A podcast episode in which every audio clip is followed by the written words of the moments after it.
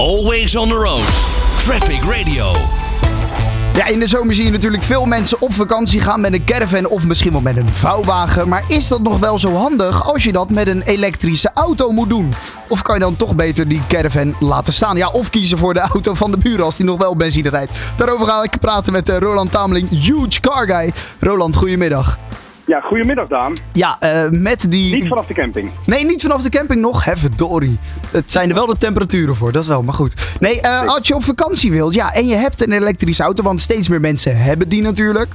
Ja, en je hebt ineens nog een caravan of een eh, vouwwagen staan en je wil die meenemen. Is dat wel zo praktisch? Je hebt dat op nou ja, de proef op de som genomen, hè, een tijdje geleden. Ja, dat kun je stellen. Ja. Vorig jaar zijn wij met, eh, voor een reportage met een eh, Volvo C40 Recharge, een volledig elektrische auto, met een caravan aan de haak van Parijs naar Nederland gereden. Heen zonder caravan, terug met caravan. En dat levert nogal wat eh, bijzondere resultaten op, kan je stellen. Ja, want heen zonder caravan ging vrij soepel, denk ik.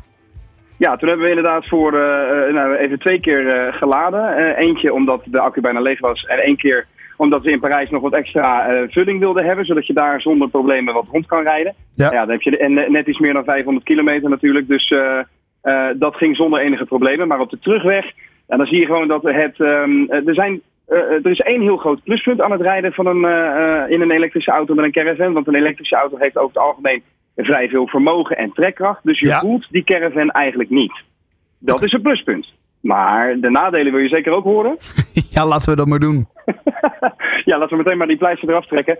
Waar wij dus achter kwamen toen we met een bijna volle accu eh, eh, vertrokken vanuit Parijs, is dat er eh, nou echt, echt wel dat je rekening moet houden met een bijna ver, ja, halvering van je rijbereik met Zo. een caravan aan de haak. En dan hadden we niet eens een heel grote caravan aan de trekhaak op dat moment, maar ja, het is natuurlijk alsof je letterlijk een, een blokhut achter je auto aansleept. En daar, dat heeft een enorme impact op, op je rijbereik. Eh, die Volvo is al niet echt een kampioen op dat vlak. Eh, ik denk dat je in de praktijk, ehm, de dagelijkse praktijk, eh, zeggen ze, de, de, de WLTP-opgave van die auto is 434 kilometer. Dat is dus de rijkwijde die ze in het laboratorium hebben vastgesteld. Maar in de praktijk moet je rekening houden met ongeveer 300 kilometer praktijkactieradius. Nou, we waren in oktober onderweg, dus het was al niet heel warm meer. Temperatuur heeft natuurlijk ook een grote invloed op, het, op de actieradius.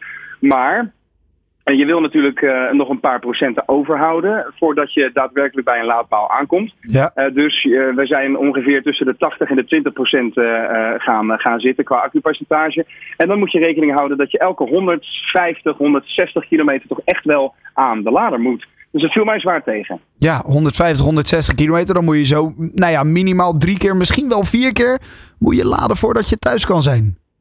Ja, ja, en zeker als je denkt van goh, eh, ik mag met mijn caravan wat harder, eh, wat harder rijden, want dat, eh, dat, dat kan hier volgens de Franse regels bijvoorbeeld. Ja. Ja. dan gaat het helemaal hard. En nogmaals, het heeft natuurlijk ook te maken met ehm, het trekkende voertuig. En je ziet nu wel een kentering in de automarkt. Dat er voorheen hadden we vrij veel hoge, grote, zware SUV's die als elektrische auto op de markt kwamen, waaronder zo'n Volvo. En je ziet nu een kentering dat we meer naar lage voertuigen gaan die een veel betere luchtweerstand hebben.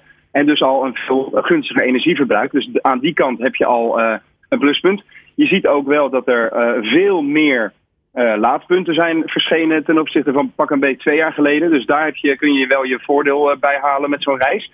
Maar een van de punten waar ik nooit bij stilgestaan had van tevoren, is dat je als je wil laden, elke keer je caravan van de haak moet halen. Nou, Oh, ik, ja. weet niet, ik weet niet of jij die video gezien had, maar ehm, mijn gezicht is een open boek en ik was op een gegeven moment niet meer heel vrolijk. Nee. Nee, want anders kan je inderdaad niet bij die laadpaal komen met, met, die, met die stekker. En dan kan je niet meer bij Ja, je auto heel- komen. Heel veel mensen kennen wellicht de opstelling die Fastnet gebruikt. Hè? Dat Ja. je er gewoon voorwaarts inrijdt en dan aan de zijkant of aan de, aan je, aan de neus van de auto eh, de stekker erin steekt. Ja. In principe kun je daar met een, met een caravan aan, eh, aankomen, maar ehm, vaak zijn er twee laadpunten achter elkaar. Dus als je daar staat bij het voorste laadpunt met je eh, caravan aan de haak, dan blo- blokkeer je die andere eh, laad, eh, laadpoort. Dus dan kan iemand anders niet laden. Dat is niet heel erg sociaal, dus ga je de, de, de caravan van de haak halen. Eh, maar wat je in de meeste gevallen ziet, is dat je een, eh, een parkeer- eh, of een laadplek haaks op de weg hebt. Dus dan moet je voorwaarts of achterwaarts inparkeren. Ja. Nou, dan kan de, het getrokken voertuig ook niet aan de haak blijven. Dus ja, dat vond ik op een gegeven moment echt wel vervelend. Neemt niet weg dat het reizen met een elektrische auto steeds beter wordt, sowieso prettig is. En dat ook lange afstanden steeds prettiger worden om, om af te leggen. Maar ja, ik zou als je, als je meteen een, een tip eraan wil koppelen, ga echt kijken of je een eh, zo jong mogelijke caravan kunt, eh, kunt scoren. Want die zijn lichter dan pak een beetje exemplaren van, eh, van 10 jaar oud.